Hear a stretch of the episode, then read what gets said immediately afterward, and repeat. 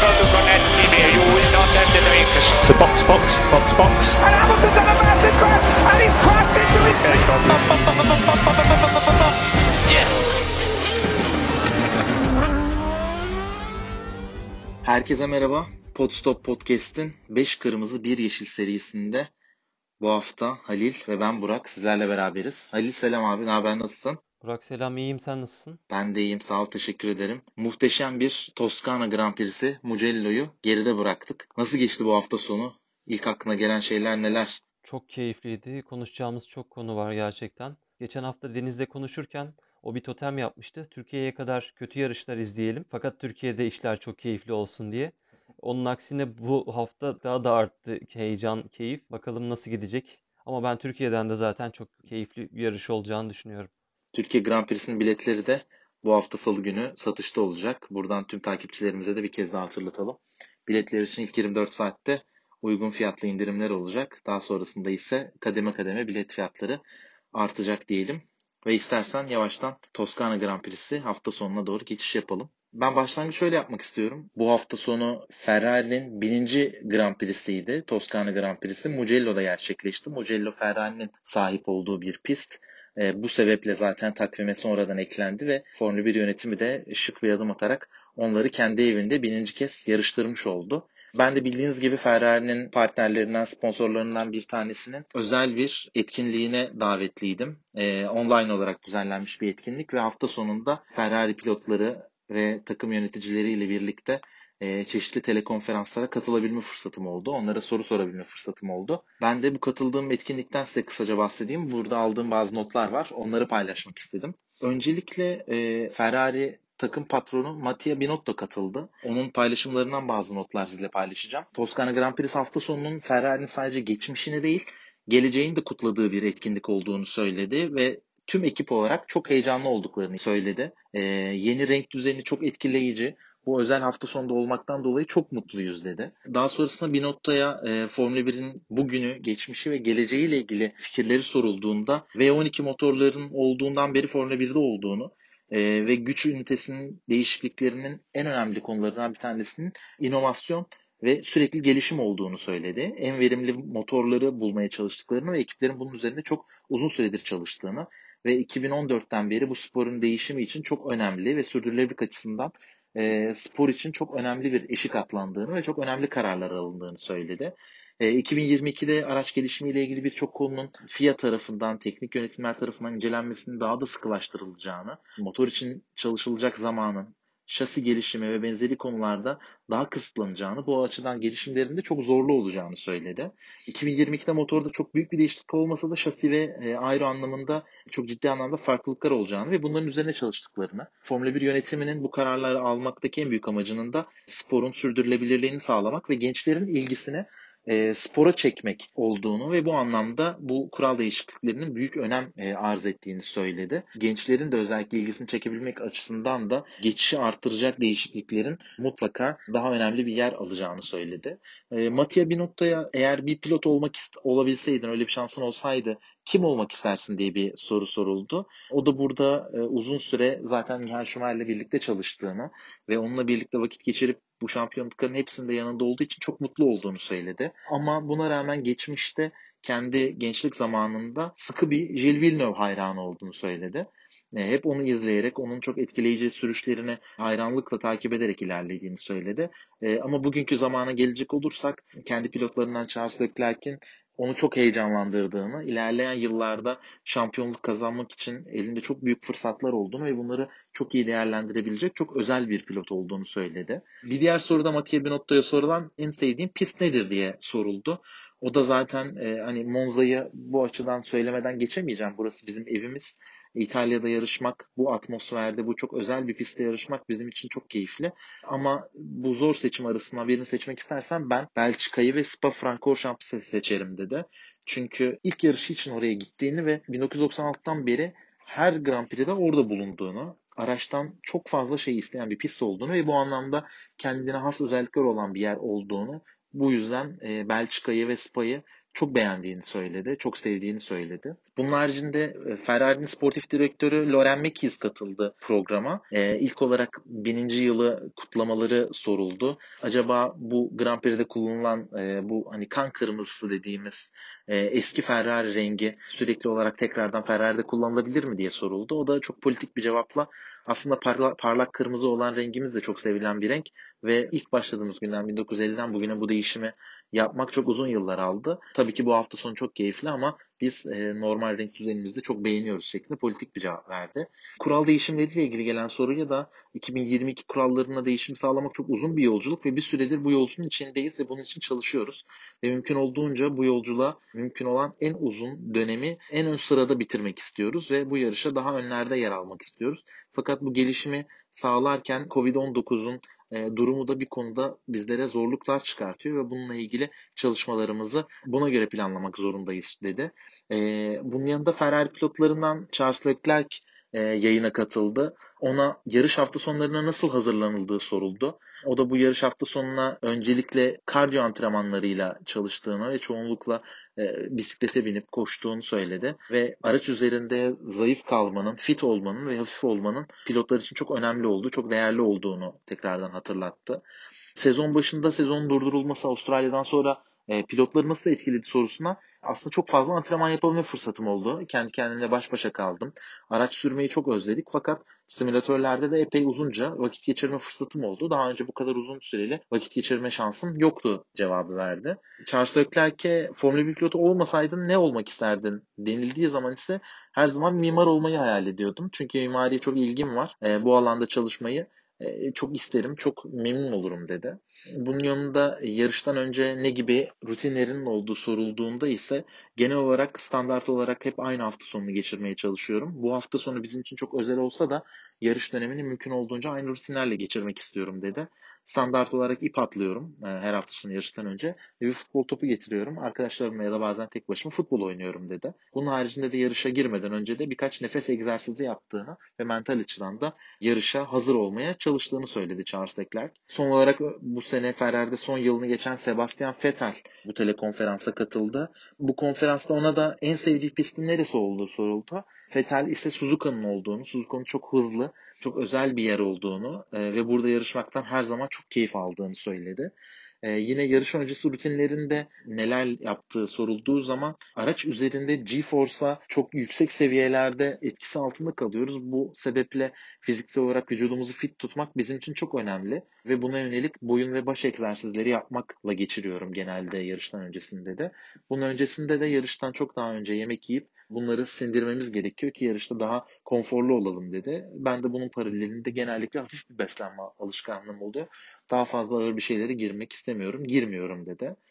Enteresan bir sorun vardı aslında Fethel'e. Pit stoplarda o kısa sürede tüm bu operasyonlar gerçekleşirken neler hissediyorsun? Bir pilot olarak sen ne yapıyorsun orada tüm ekip yoğun bir şekilde çalışırken dedi. Fethel ise herkes için bu kadar yoğun olan birkaç saniyelik sürede e, az da olsa aslında ben de bir dinlenme şansı buluyorum. Hem mental olarak hem fiziksel olarak kendime yaklaşık ortalama 2,5 saniyelik bir, bir dinlenme periyodunu alıyorum dedi. O alana gelmek için en iyi şekilde hazırlamaya çalışıyorum dedi. Bunun yanında Loren Mekiz'e bir soru yöneltme fırsatım oldu. Mugello karakteristik olarak İstanbul Park'a benzeyen noktaları olan bir pist ve İstanbul Park uzun süredir yarışlara ev sahipliği yapmıyor. Bu anlamda İstanbul Park'ta e, Mugello'da kullanılan verilerden faydalanma imkanınız olur mu diye bir soru sormuştum. Bu soruyu eklenen pistlerle birlikte tamamen yorum yapılarak cevap verildi ve burada da İstanbul Park'ın Ferrari'nin bu seneki aracına daha uyumlu olabilecek bir pist olduğu, komple bir pist olduğu fakat özellikle bazı virajlarda doğru yere basma kuvveti sağlandığı zaman e, fark yaratılabilecek noktalar olduğunu ve uzun süre sonra İstanbul'a dönmekten çok mutlu olduklarını söylediler. Benim için de e, Ferrari'nin birinci yarışında çok keyifli bir hafta sonu oldu e, ekstradan çok daha farklı bilgiler alabilme fırsatım oldu. Çok teşekkür ederiz. Birinci ağızdan çok güzel bilgiler verdin bize. E, istersen Toskana Grand Prix'sine doğru geçelim. E, bence bu yarış bize şöyle bir şeyi anlamamızda yardımcı oldu. E, bu tür klasik pistlerin dar olması ve kaçış alanlarının da çok kısa olması nedeniyle e, modern araçlar için çok elverişli olmadığını görmüş olduk bu yarışla beraber. E, yeni araçlar hem çok güçlü hem de e, fiziksel anlamda eski araçlardan daha büyük oldukları için Mugello'da izlediğimiz belki de ilk ve son yarış olabilir bu bilmiyorum ama zaman zaman çok tehlikeli durumların e, meydana geldiğini görebildik. Belki de yeniden tasarlanarak, eklemeler yaparak, kaçış alanlarını tekrar tasarlayarak daha elverişli hale getirilebilir ama şu an için ilk izlenimlerim böyle oldu benim Mugello için. Mugello zaten birçok Formula 1 taraftar tarafından da ilk açıklandığından beri en çok beklenen pistlerden bir tanesiydi. Aslında bazı taraftarlar tabii daha karamsal olarak beklediler. Çok dar bir pist, çok hızlı bir pist fakat geçiş alanının yaratılması çok zor olan bir pist. Zaten Formula 1 yönetimi de sadece tek bir adet DRS bölgesi belirleyebildi pist genelinde. Ve genel olarak geçişlerde bu DRS bölgesinde yaşanmaya çalışıldı. Çünkü farklı yerlerde özellikle modern araçların bu kadar boylarının uzaması ve genişlemesinden dolayı iki aracı yan yana görebilmemiz çok mümkün olmayan bir yerde. Ee, aslında sıkıcı geçer mi diye beklediğimiz yarış e, yürekleri ağza getiren birkaç olaydan dolayı e, daha izlenebilir, daha şaşırtıcı, daha keyifli bir hale geldi.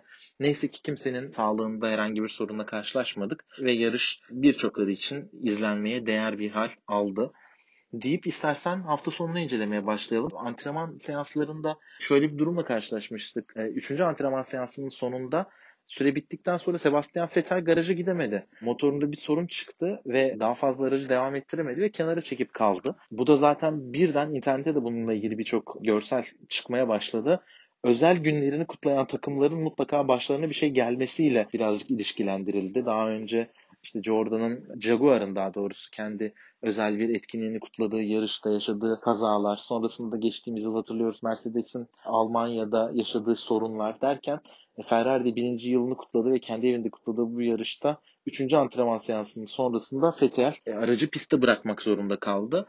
E, ama daha sonrasında sıralama turlarında tekrardan piste çıktığını gördük. E, ve Q1'de aslında antrenmanlara benzer bir performansla karşılaştık. Bottas en öndeydi. Daha sonrasında Hamilton hemen onun arkasında çok yakın bir şekilde takip ediyordu. Ve Verstappen 0.2 saniyelik bir yakınlıkta onları takip ettiler.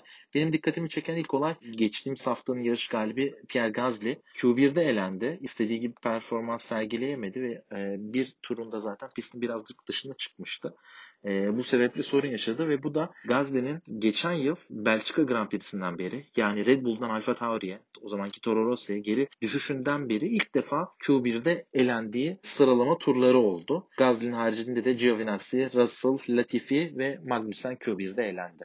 Q2 tarafına geçtiğimizde aslında alışık olduğumuz Vettel'in e, havlu attığını gördük. Çok uzun bir sürenin ardından İlk defa ilk onda kendine yer bulamayan Norris 11. sırada elendi. Aslında McLaren'ler bu hafta e, çok fazla önde olamadılar en azından Q2 seansında. Q3'e geçtiğimizde Lökler'in en azından Q3 seviyesine çıktığını gördük. Ocon'un Q3'te yaptığı hata sonrasında sıralama turlarının erken noktalanmasına sebep olması turlarını geliştiremeyen pilotlar için de dezavantaj oluşturdu. Hatta Bottas'ın da daha sonraki açıklamalarında e, pol pozisyonunu alabileceği ile ilgili bazı düşünceleri vardı. E, keza hafta sonu boyunca zaten güçlü bir performans sergiledi. Lökler 5. sırada takım arkadaşının 0.5 saniye önünde e, yer aldı. Hatırlarsanız geçen haftaki yarıştaki kazanın ardından aracın şasisinde aslında yırtılmalar ve kırılmalar oluştuğu e, göze çarpmış. Bu nedenle e, Mugello'ya yeni bir şasiyle geldi. E, ve yeni şasinin de aslında bir araca 0.1-0.2 saniye ekstra süre kazandırdığını biliyoruz. Bunun da katkısı olabileceğini düşünüyorum takım arkadaşına karşı. Burada dikkat çeken konu 6. ve 7. sırada Racing Point'ler arka arkaya yer aldılar. E, Sainz 2 Renault'un arasına girdi 9. sıradaydı. Önünde Ricardo arkasında Ocon yer aldı. Ocon ise zaten e, Q3'te e, Q2'nin sonunda attığı spin ile birlikte zaten yaşadığı sorundan dolayı e, piste çıkmadı ve derecesini geliştirmedi. Bu sebebiyle herhangi bir zaman turu atamadı. İstersen yavaştan yarışa geçelim. Yarış hikayesi gerçekten çok heyecanlı bir şekilde ilerledi. Burada dikkat çeken nokta Sergio Perez almış olduğu grid cezasından dolayı e, bir sıra geriden başlamış oldu yarışa. Yani 7. sıradan başlamış oldu. Stroll'ün arkasına geçmiş oldu. Ve yarış başlangıcında yarışın başlamasına yaklaşık bir 10 dakika kala e, Verstappen'in aracının sol tarafında çok ummalı bir çalışma yapıldığını gördük. Detaylar hiçbir şekilde paylaşılmadı ama e, mekanikerler orada son dakikaya kadar bir şeyler yetiştirmeye çalışıyorlardı. E, ve bunun sonrasında herkes merakla acaba formasyon turuna kalkabilecek mi, başlayabilecek mi diye düşünürken e, sıkıntısız bir şekilde formasyon turu atıldı Mugello'da. E, ve sonrasında e, araçlar gridlere dizildikten sonra belki de son yılların en inanılmaz startlarından birini izledik. E, bu sene zaten her yarışta hatırlarsan 5 kırmızı bir yeşil serimizde konuşuyorduk. Startlar hep temiz oldu. Herhangi bir sıkıntıyla karşılaşmadık diyorduk ama bu seferki start birazcık daha farklı olmaya başladı. Bottas startta e, çok ciddi anlamda öne atıldı. Hamilton'ı geçti. Leclerc arkadan nefis kalktı. Kendine 3. sırada yer buldu. Verstappen ise e, artık 3. 4. vitesten sonra aracında bir motor sorunu oldu. Bir türlü hızlanamadı ve sürekli gerileri doğru kalmaya başladı. O sırada tüm pilotlar, Racing Point'ler, e, herkes onu geçmeye başladı. Ve ilk virajı dönerken birden ortalık karıştı. Ve bu karışan ortalıkta e, Pierre Gasly sorun yaşadı ve yarış dışı kaldı. Bunun yanında Verstappen aynı virajda sıkıntı yaşadı. E, Raikkonen, Grosjean hepsi birbirlerine girerek çok sorun yaşadılar. E, ve bundan sonra, bundan dolayı da e, Grosjean, Gasly, Raikkonen ve Verstappen kazaya sebebiyet verdikleri için inceleme altına alındılar ve bu arada da güvenlik aracı piste girdi.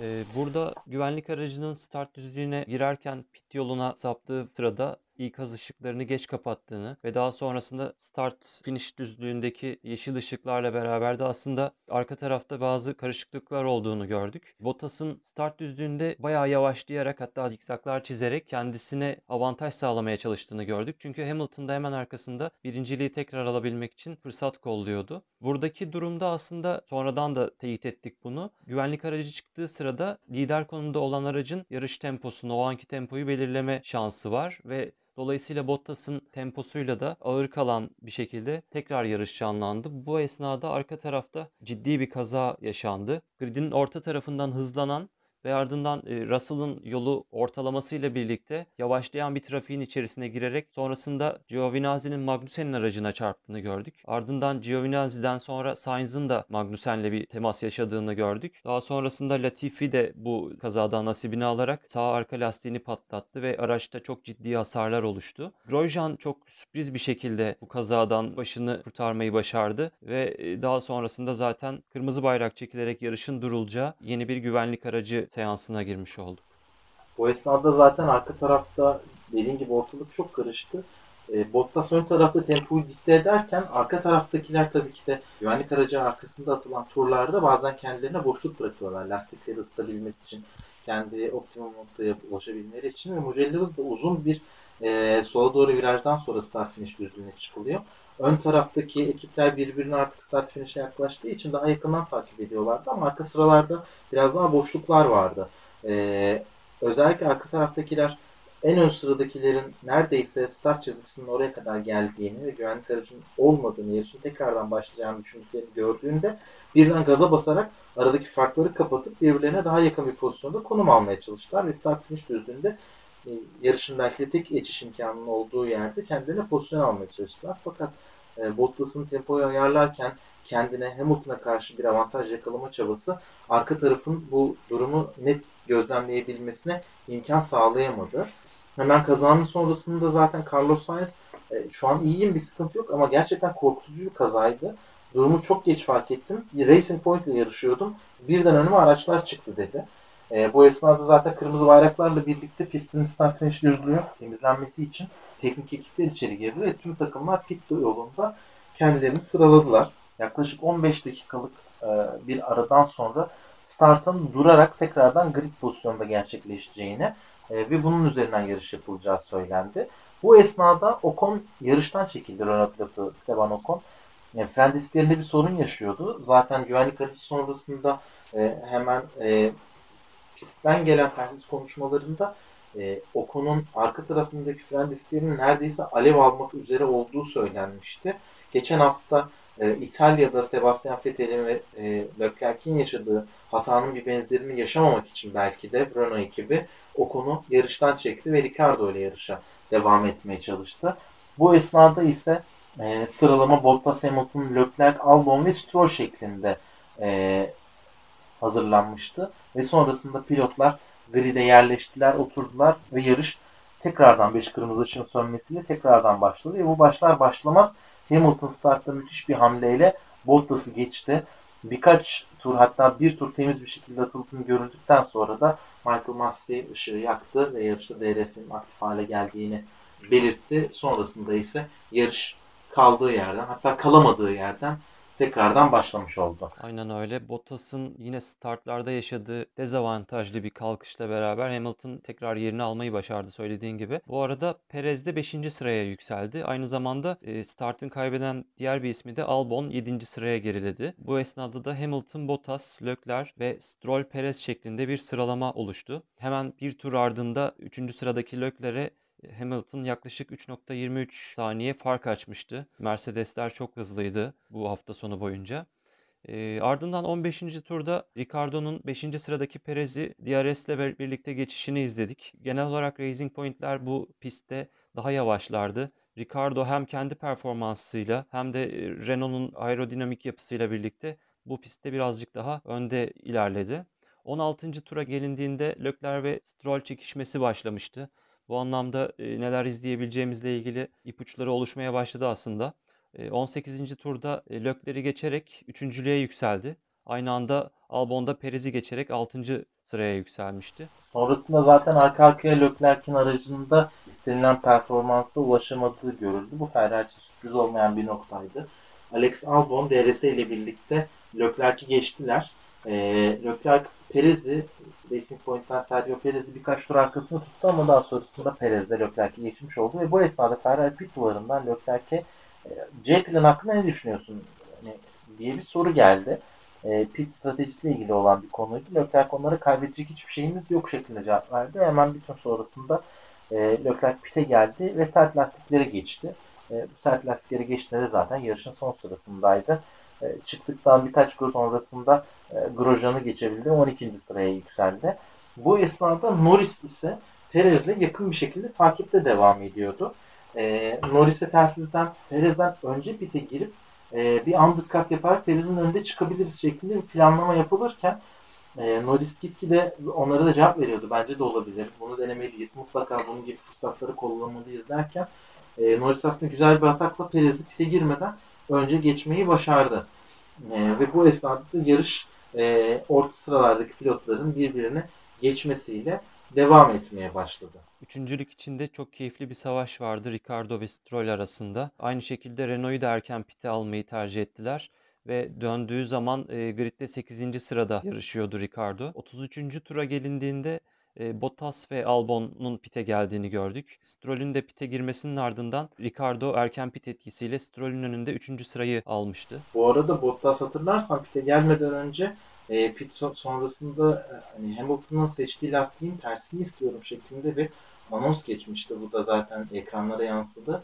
On, bu noktada da zaten yarışın bu kadar sıcak olduğu noktalarda bile Bottas'ın e, ikinci starttan sonra Lewis Hamilton'a geçişinin ne kadar kendi içinde sindiremediğini ve bu konuda ne kadar hırslı olduğunu da görmüş olduk. Belki de bunun cezası olarak da bu söyleme kayıtsız kaldılar. Ardından 35. turda Raikkonen'in güzel bir atakla yine arka tarafta Grosjean'ı geçtiğini izledik. 37. tura gelindiğinde ise Bottas'a pistin yapısından dolayı sağ ön lastikleri koruması gerektiği ile ilgili mesaj geldi. 40. turda da Hamilton'a körvlerden uzak durması ile ilgili mesaj vermişlerdi. Belki de Silverstone yarışındaki benzer bir problem mi bizi bekliyor acaba diye düşünürken körvlerin lastiklere ciddi bir şekilde problem yarattığını öğrenmiş olduk daha sonraki turlarda. 39. turda Lökler tekrar pite gelerek orta hamura geçmişti. Daha önceki sert hamur stratejisini koruyamadı ve orta hamurla devam etme kararı aldı.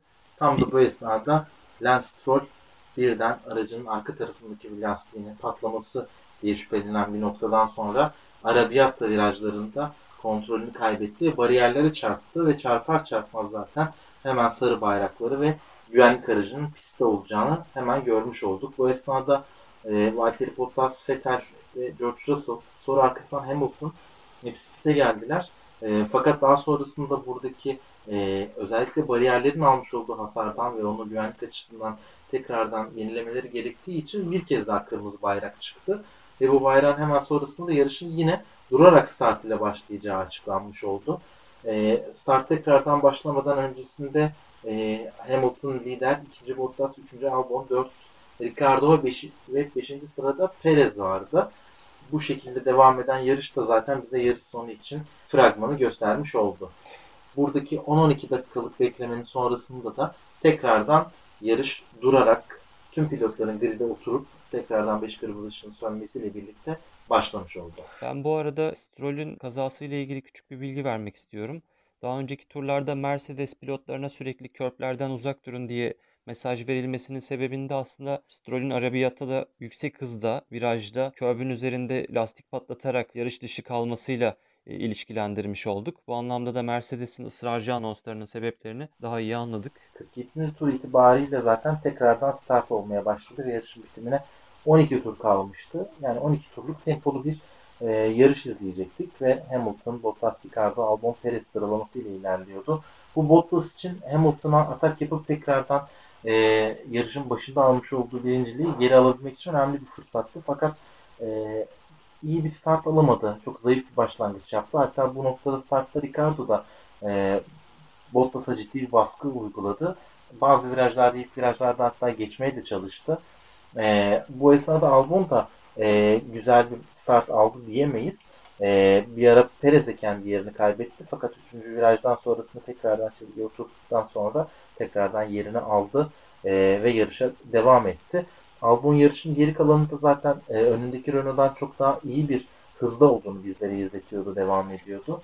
Ve 51. turda Ricardo'yu e, geçişiyle birlikte e, ilk podyumuna, kariyerinin ilk podyumuna göz kırpmaya başlamıştı. Bu anlamda zaten pit duvarından da Albon'a çok büyük destek geliyordu. Daha öncesinden e, onu yakalayalım diye talimat verdiklerinde Red Bull'un gerçekten aracının virajlarda da çok daha başarılı olduğunu görmüştük. Sonrasında Bottas'ı da geçebiliriz diye söylediler. Burada 2.2 saniye gerisindeydi. Ancak yarış temposunda biraz daha düşük bir performansla Bottas'ı geçemeyeceği netleşti.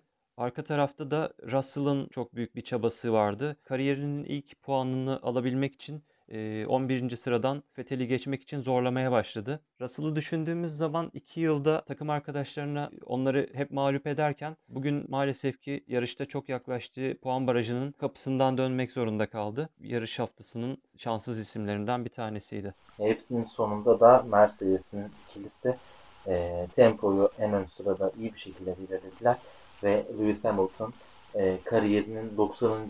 Grand Prix galibiyetini Toskana Grand Prix'sinde Mugello'da aldı ve e, en çok yarış kazanılan pilot ünvanına sahip Michael Schumacher'ın rekoruna sadece bir galibiyet kalmış oldu. E, bu galibiyetin Ferrari'nin kendi evinde, yani Schumacher'in efsanevi galibiyetler aldığı takım Ferrari'nin kendi evinde ve de özellikle yarıştan önce e, Michael Schumacher'ın oğlu Mick Schumacher'in Schumacher'in en büyük başarılı kazandığı F2004'ün e, tur attığı pistte yer alması da Hamilton açısından e, bir diğer dikkate değer konulardan birisi oldu.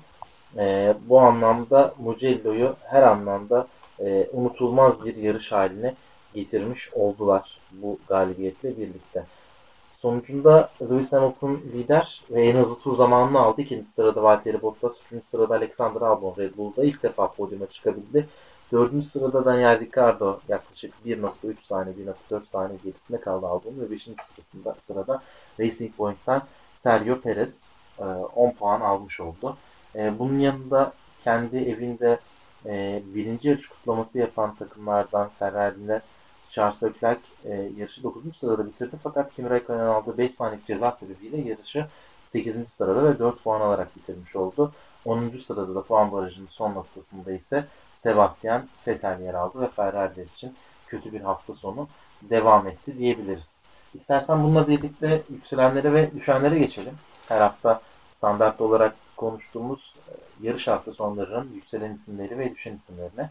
Yükselenlerle başlayalım mı Ali? Sence kimler vardı listede? Tamamdır. Ben yükselenlerdeki listemde listenin başına Albon'u koyuyorum. Aslında yarış hafta sonu boyunca yüksek performans gösterememiş olsa da özellikle de startların hep kaybeden ismi olsa da startlarda çok zaman kaybetse de ilk podyumunu alarak güzel bir tablo çizdi. Monza'da Gazli'nin e, galibiyetinin ardından bu hafta boyunca Albon Gazli arasında bir koltuk değişimi olur mu diye haberler çıkmaya başladı. Bu da bu söylemlere bir cevap niteliği taşıyordu. Bu arada ben takımın Albon'a çok fazla güven duyduğunu hissettim bu yarışta. Çok fazla destek geldi. Telsiz konuşmalarında da sürekli daha fazla sıra alabileceği konusunda sürekli motive ettiler. O da zaten yarışın sonunda benimle birlikte olduğunuz için teşekkürler diye bir konuşma yaptı. E, yükselenlerde bir diğer faktör olarak Ricardo'yu, Daniel Ricardo'yu sayabiliriz. E, McLaren ve Renault'un sezon başından beri yüksek yere basma kuvveti gereken pistlerde pek iyi olmadığını biliyoruz. Ancak bu hafta sonu pistin hızlı virajlarında özellikle güzel bir performans yaptılar. Ayrıca Ricardo da e, zekice ve temiz bir sürüş gerçekleştirdi. Ricardo'nun da podyuma çok yakın olabileceğini görmüş olduk. Renault aracının performans seviyesine rağmen. Son olarak da yükselenlerde Mugello pistini koyabiliriz diye düşünüyorum. Belki de son zamanların en aksiyonlu yarışını izledik. Bazı izleyicilere göre Monza'nın bile üstüne çıkmış olabilir. Son zamanlarda izlediğimiz yarışları kıyaslamak gerekirse. Çok güzel detaylar vardı. Tabii ki Ferrari'nin birinci yarışı olması nedeniyle de farklı bir atmosfer vardı. E, Mylander'in bir aracının kırmızı olması farklı bir enstantaneydi bence. Ben de düşenlerden bahsedeyim. E, aslında tam olarak onu buraya koymak onun hak ettiği bir nokta mı bilmiyorum ama e, yarışı o kadar izlemeyip antrenmanları, sıralama turlarını ve sonuca bakan birisi muhtemelen böyle düşünebilir. Lance Stroll e, bu hafta düşenlerimizden bir tanesi. E, aslında e, kendini sıralama turlarında bulmuş olduğu yer birazcık şanslı bir noktayla atmış olduğu turdan sonra. Çünkü e, Esteban Ocon'un spininden sonra seansın e, aktif olarak aslında erken bitişinden dolayı e, birçok pilot derecesini geliştiremedi ve bu anlamda e, kendisi Leclerc'in gerisinde kalmış olsa da Leclerc'i geçememiş olsa da Perez'in de arkasında kalmıştı. Perez'in aldığı cezadan dolayı kendini bir üst sırada bulmuştu ve bu anlamda e, yarış başlangıcı aslında onun adına bir e, şans olabilirdi. E, sonrasında ilk turda aslında kendine bir yer buldu. Bir sıra yükseldi. E, Albon'un gerileri düşmesiyle birlikte kendine bir yer buldu. Fakat e, yani kesinlikle kendi hatası olmayan bir sebepten dolayı e, yani sürücü hatası olmadığına emin, eminiz ama takımın hala e, Stroll'ün kazasında nasıl bir sorun yaşadığını açıklamadılar. Ama yaşamış olduğu özellikle Arabiyata 2 çok hızlı bir viraj. Bu viraja hızlı girişinden sonra aracın kontrolünü kaybedip bariyerlerde yer alması onun adına çok e, şanssız bir nokta oldu. E, daha öncesinde zaten e, Ricardo ile birlikte yarışıyorlardı. Ve bu esnada pit stop zamanında Ricardo'nun undercut'ıyla onun gerisinde kalmıştı. Ve bu esnada Albon'a ve Ricardo'ya baskı yaparak ilerleyebilir. Hatta belki doğru fırsatlar bulunursa e, kendisini podyumda bile görebilirdik. Dolayısıyla podyum yarışında olan bir pilotun yarışı bitirememesi bu anlamda düşenlerde olmasına bizim gözümüzde sağladı. Düşenlerdeki bir diğer isim e, Fransız pilot Pierre Gasly oldu. Geçtiğimiz hafta Monza'da koşulan İtalya Grand Prix'sinin galibi. E, bu hafta sonu aslında çok iyi başladı. Antrenman seanslarında oldukça iyi görünüyordu. E, Q3'e kalıp orada da ciddi bir şeyler yaratmasını beklerken e, Q1'de elendi. Zaten söylediğimiz gibi Red Bull'dan e, Toro Rosso düşüşünden beri ilk defa Q1'de elenmiş oldu. E, fakat orada şöyle bir durum vardı. Antrenman seanslarında e, aracı pistte tutamayıp e, taşlık alana birazcık çıkarttı ve bu alanda e, hep söylüyoruz Mugello şansa e, hiç affetmeyecek bir pist. Çok ciddi bir pist. E, araç pistin dışına çıktığı zaman aerodinamik anlamda bazı parçaları görülmese de çok ufak hasarlar alabiliyor ve bundan dolayı sonrasında temposunu bir türlü tutturamıyor. Gazi'nin en büyük sorunu bu oldu sıralama turlarında. Ve bundan dolayı çok geride kalmasına bir hafta önce yarış kazanan bir pilot kendine bence yediremesiyle birlikte yarışta çok agresif bir başlangıç yaptı. Ee, daha ilk turdan e, sıralar kazanıp e, risk alarak e, ve aslında kazanacağı sıralar da çok büyük bir etki yaratmayacaktı ona. Kendini öne atmaya çalıştı. Bu esnada da ekonomi projenin arasında kaldı, sıkıştı ve sonrasında da yarış dışı kaldı. Bu anlamda e, Pierre Gasly için de kötü bir hafta sonu oldu. O da bizim düşenlerimizde yer aldı. Ve son olarak düşenlerin son e, son faktörü Ferrari oldu bizim için. Formula 1'de birinci yılını, birinci yarışını kutlayan Ferrari e, rekorlarla gelmiş olduğu e, bu kadar seneleri, bu kadar yarışlar sonrasında e, aslında yine kötü bir hafta sonu geçirdiler ve e, beklenenin çok altında bitirdiler. Yani şöyle düşünebiliriz Leclerc'in altına derken şimdi Sebastian Vettel 14. sırada başlayıp 10. bitirdi. Charles Leclerc 5. sırada başlayıp 8. bitirdi. Yani aslında birbirlerini dengeleyen bir noktadalardı. Takım ismine ve pilotlara bakmadığımız zaman normal geçmiş diyebileceğimiz bir yarıştı. E, fakat onlar için hiç iyi olmadı. Zaten Sebastian Vettel sıralama turlarında hiçbir zaman kendini rahat hissetmiyordu. E, SF1000'i kullanmak çok zor demişti. Yine aynı şekilde Charles Leclerc aracı bir türlü doğru dengede oturtamıyoruz ve burada çok zor günler, çok zor zamanlar bizi bekliyor demişti. Her ne kadar Leclerc bireysel yetenekleri doğrultusunda startta mükemmel bir başlangıç yapmış olsa da daha sonrasında araç performansının yetersizliğinden dolayı rakiplerini birer birer geçildi ve e, Formula 1 pilotları gibi bu kadar yüksek egoya sahip olan kişilerin e, sürekli olarak aynı yerde start finish düzlüğünde aynasında bir rakibini görüp ve o rakibinin çok kolay bir şekilde onları geçtiğini izlemek ciddi anlamda mental sorunlar yaratabilir. Leclerc de bundan ne kadar rahatsız olduğunu söyledi. Ve bunun doğrultusunda da e, elinden gelen en iyisini yaptı ama Ferrari bu hafta sonu kendi evinde maalesef iyi değildi ve bizim de düşenlerimiz arasında yer aldı. Ben e, ekstra küçük bir parantezle yükselenlere belki ismini sayamayız ama e, Kimi Raikkonen'in de yarış hafta sonu boyunca e, iyi olduğunu ve yarışta çok güzel startlar aldığını, startları çok iyi değerlendirdiğini gördük. E, ayrıca bu Kimi Raikkonen'in 322. yarışıymış. E, rekor bilindiği gibi 323 yarışla Barrichello'da sorunsuz bir şekilde devam ederse Rusya'da rekoru egale edecek. Ardından da Almanya'da rekoru kıracağı konuşuluyor. Bir sorun olmazsa tabii ki. Monza'dan sonra bir diğer keyifli ve harika bir hafta sonunu e, Mugello'da Toskana Grand Prix'sinde geride bıraktık. Bundan sonra iki haftalık bir aramız olacak. Formula 1 araya giriyor tekrardan.